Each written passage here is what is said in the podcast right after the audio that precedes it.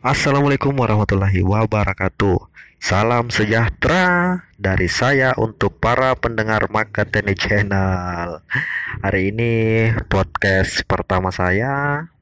Hari ini podcast yang sedikit akan mengenang tentang nostalgia masa kecil. Oh ya, perkenalkan nama saya Eka. Di kesempatan hari ini tanggal 23 Oktober kita akan Assalamualaikum warahmatullahi wabarakatuh. Assalamualaikum warahmatullahi wabarakatuh. Salam sejahtera dari saya untuk semua pendengar Maketeni Channel. Perkenalkan nama saya uh, Assalamualaikum warahmatullahi wabarakatuh. Salam sejahtera dari saya untuk semua pendengar Maketeni Channel. Perkenalkan Nama saya Eka. Hari ini podcast pertama saya atau cerita pertama saya. Uh, kenapa saya membuat podcast itu karena saya ingin berbagi. Saya ingin bercerita ke teman-teman yang mungkin saja atau insya Allah bisa diterima dengan baik oleh para pendengar Makatini Channel. Podcast ini dibuat karena adanya akumulasi dari cerita warung kopi, akumulasi dari diskusi warung kopi, akumulasi curhatan saya ke teman-teman dan sebaliknya curhatan teman-teman ke saya. Menurut saya boleh, menurut saya boleh uh, saya share ke publik. Mungkin saja ini bisa menjadi hal yang menarik. Mungkin saja ini bisa menjadi sesuatu yang apa sesuatu yang bisa menghibur. Karena bagi saya ketika kita bisa menceritakan sesuatu dan orang bisa mendengarkan dengan baik uh, atau kita bisa mendengarkan dengan baik itu hal yang uh, apa hal yang luar biasa. Mendengarkan itu hal yang luar biasa menceritakan itu juga hal yang luar biasa. Makanya sering kali kita dituntut untuk untuk berinteraksi satu sama lain atau bersosialisasi satu sama lain. Di kesempatan hari ini tanggal 23 Oktober 2019, kita akan membahas tentang nostalgia masa kecil. Oh ya, lupa. Para pendengar yang ingin bertanya silahkan uh, sertakan pertanyaan di kolom komentar. Insya Allah kita akan jawab di tema selanjutnya. Insya Allah kita akan diskusikan di tema selanjutnya. Atau teman-teman yang ingin memberikan saran, memberikan kritik, silahkan juga sertakan di kolom komentar. Silahkan juga sertakan di uh, tulisan di kolom komentar. Karena menurut saya saran dan kritik itu hal yang sangat saya butuhkan Kenapa hal yang sangat saya butuhkan? Karena kalau orang mengkritik, kalau orang memberikan saran, itu tandanya bahwa orang itu sayang, orang itu memperhatikan kita, orang itu mau melihat kita lebih baik, orang itu ingin apa yang kita miliki itu terupgrade, apa yang kita miliki itu lebih naik satu tingkat, dua tingkat, bahkan daripada itu. Jadi saya ingin sekali dikritik, saya ingin sekali di apa ya? Saya ingin sekali diberikan saran karena saya ingin sekali dicintai oleh para pendengar Makatini Channel. Kenapa orang pasti semuanya ingin dicintai ya, orang semua ingin disayang. Kita membutuhkan itu. Uh, walaupun di kehidupan kita ini tidak semua orang itu suka dengan kita, tidak semua orang itu uh, mencintai kita, ada juga yang membenci kita, ada juga yang betul-betul tidak senang dengan kita. Tapi itulah kehidupan. Kita harus menerima itu sebagai makhluk uh, yang berinteraksi. Mungkin pernah kita melakukan kesalahan dan kita tidak sadar itu dan tidak masalah. Kita harus mengevaluasi diri dan kita harus memperbaiki diri dan apa ya semua semua yang kita lewati itu betul-betul harus uh, normal atau tidak dibuat-buat. Sehingga apa yang kita lakukan itu lebih bermakna lebih mempunyai sisi positif. Kalaupun orang tidak suka ya kita minta maaf. Karena orang yang mengucapkan maaf orang yang menerima maaf bagi saya orang yang sangat-sangat luar biasa tema tema selanjutnya tema hari ini kita akan membahas tentang nostalgia masa kecil. Kenapa? Kenapa mungkin teman-teman para pendengar marketing channel bertanya kenapa di podcast pertama itu membahas tentang nostalgia masa kecil? Menurut saya saya harus memulai ini dari ini dari awal dan akumulasi yang paling banyak cerita yang paling banyak itu ketika bertemu teman-teman itu cerita tentang masa lalu. Dan menurut saya itu pantas dan wajib wajiblah saya mempublish hal ini.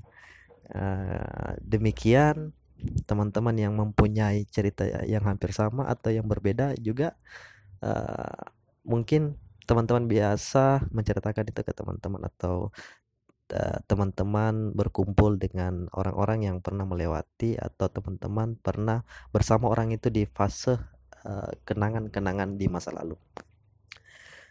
Uh, apa ya selanjutnya sering kali kita memang bernostalgia saat bertemu dengan kawan lama paling gurih memang bercerita mengenang masa lalu.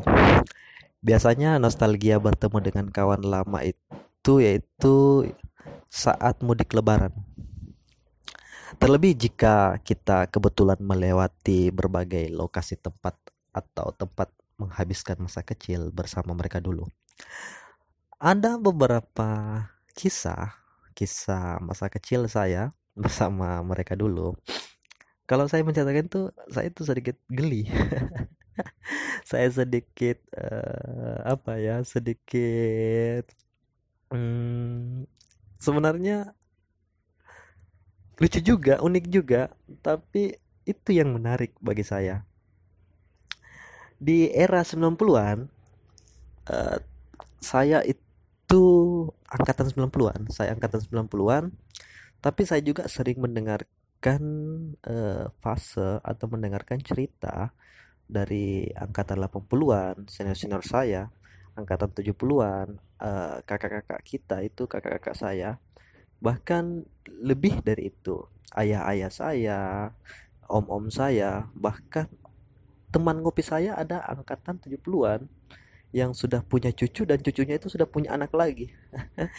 Tapi seni berbicara dengan angkatan itu memang angkatan senior senior saya itu memang hal yang menarik menarik dan berharga karena di sana ada pengalaman di sana ada hal-hal yang tidak saya temui dan itu menjadi pelajaran buat saya ada sejumlah kebiasaan apa ya kebiasaan masa kecil yang pernah kita lakukan bahkan hampir setiap anak Indonesia pernah melakukan hal ini.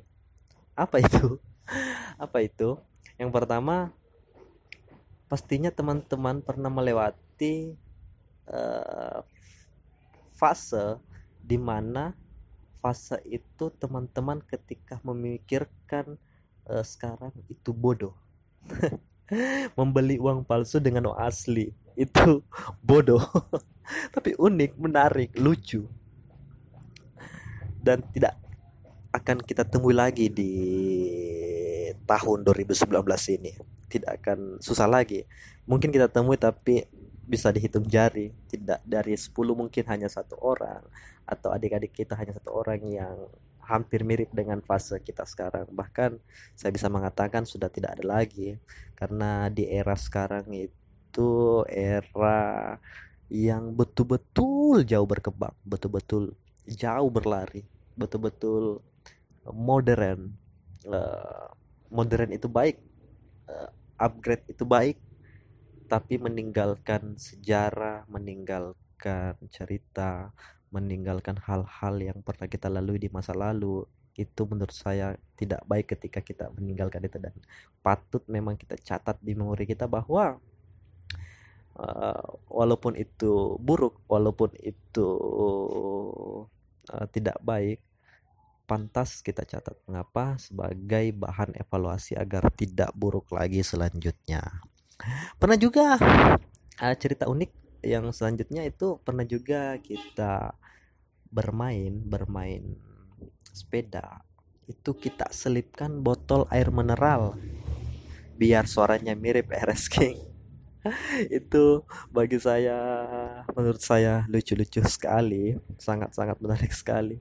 Dan tidak akan kita temui lagi di fase sekarang karena memang permainan itu sepeda-sepedaan itu sudah uh, kurang kita temui uh, di lorong ke lorong. Uh, yang adik-adik kita itu sekarang sudah naik motor sudah naik mobil bahkan terbalik uh, uh, anaknya yang naik motor bapaknya naik sepeda. Anaknya yang naik mobil bapaknya tetap naik sepeda. Mungkin karena bapaknya ini itu lebih banyak pengalaman di sepeda. Dulu tidak ada kendaraan roda empat. Mungkin seperti itu ya. Itu menurut saya saja. Kalau ada yang salah ya silahkan dikoreksi teman-teman. Tapi itu yang per, itu yang saya rasakan itu yang saya apa yang saya lihat. Dan bagi lagi-lagi bagi saya itu menarik. Menarik. Uh, apa ya kalau tadi itu kan permainan nanti teman-teman bisa tambahkan di kolom komentar apa-apa saja permainan yang pernah teman-teman lakukan di masa kecil. Sekarang saya mau ke tontonan masa kecil. Mengenang masa-masa paling indah itu memang di masa kecil tingkat stres sangat minim. Uh, iya sangat minim sekali karena mungkin lebih banyak bermain ya lebih banyak bermain dengan teman-teman. Kurang kita kita itu uh, belum memikirkan hal-hal yang uh, memang tidak pantas kita pikirkan ya. Memang masa masa-masa kecil memang ya bermain bermain dengan teman-teman uh, menangis terjatuh tertawa. Memang itu fase-fase masa kecil masa kecil yang uh, tidak masalah bagi saya yang pernah kita lakukan. Tadi saya sudah menyebutkan dua permainan masa kecil. Sekarang saya mau beralih ke tontonan atau tontonan yang pernah kita lewati di masa kecil. Kartun, tentunya kartun.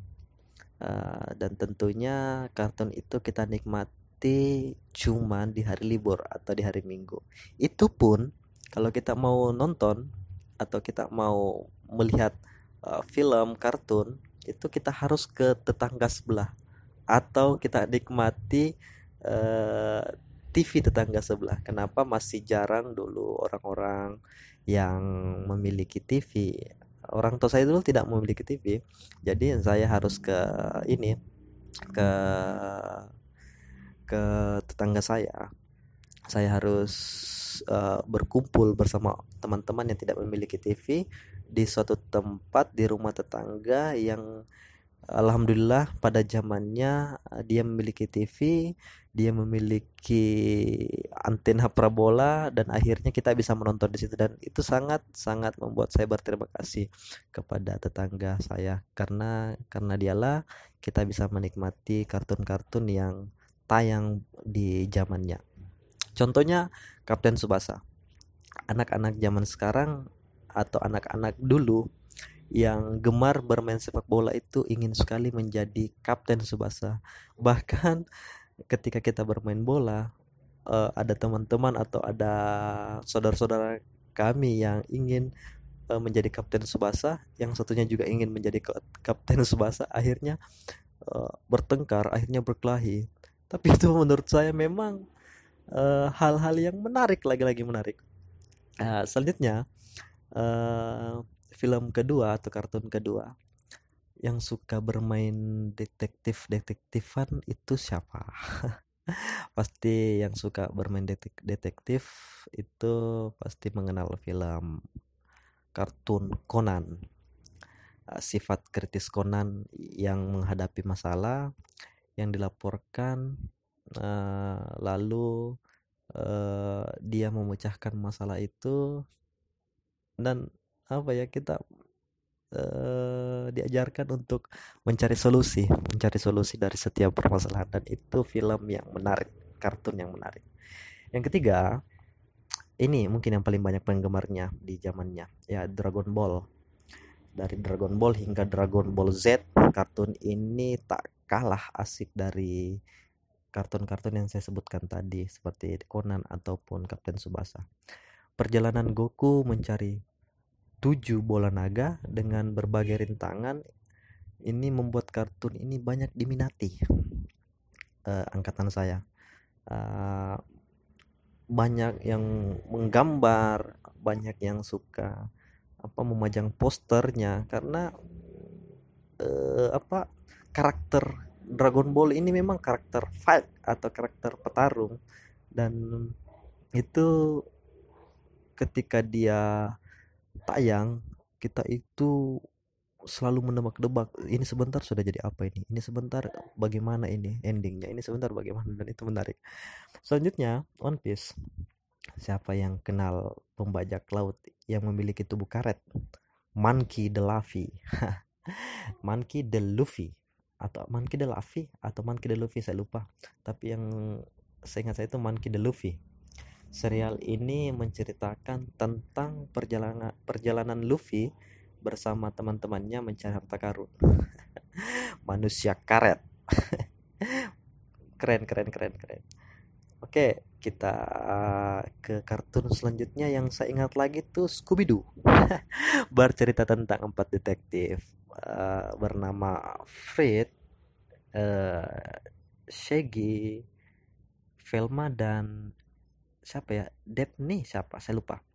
Uh, salah satu dan di antara empat sahabat ini dia mempunyai anjing bernama Scooby Dooby Doo Where are you? Itu lagu yang tidak pernah bahkan tidak mungkin saya akan lupakan karena ini salah satu kartun serial favorit saya. Mereka memecahkan masalah yang berhubungan dengan hantu.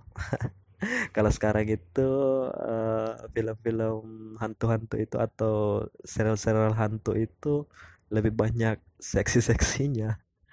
Lebih banyak apa drama-dramanya. Tapi tidak kalah tidak apa ya tidak menarik buat saya.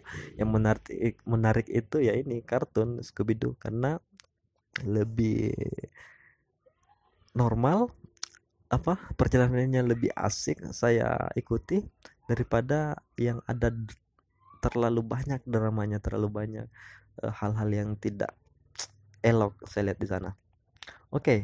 Sailor Moon kalau kartun ini ya pasti kartun-kartun apa ya kartun-kartun uh, perempuan uh, Sailor Moon ini dia menceritakan tentang lima gadis dengan kekuatan super yang mereka gunakan untuk melawan musuh dalam kegelapan. Saya tidak bisa banyak bercerita karena Sailor Moon itu uh, pantasnya diceritakan oleh para perempuan-perempuan karena ya itu filmnya bukan film kita kalau kita berbicara Dragon Ball ya saya jawaban deh atau saya saya diskusikan deh sama teman-teman selanjutnya ya teman-teman ya tinggal tambahkan di kolom komentar apa-apa saja yang film-film yang pernah teman-teman nonton apa saja film-film yang teman-teman pernah dengarkan eh, apa pernah lihat di TV-TV pada zamannya terlepas dari kerinduan nonton kartun, kerinduan bermain mainan yang kita miliki, saya juga merindukan apa ya di masa kecil itu. Saya merindukan sosok guru. Saya merindukan sosok guru, uh, guru yang meraih kita. Bahkan dulu itu guru memarahi kita sambil memukul. Dan kalau kita dipukul oleh guru memang kita merasa bahwa kesalahan kita fatal. Kalau guru sudah memukul itu kesalahan kita fatal. Kalau masih memarahi mungkin ya tidak fatal-fatal sekali tapi kalau guru guru sudah eh, apa ya memarahi dan memukul itu kesalahan kita fatal. Kenapa? Tidak mungkinlah guru dulu memukul.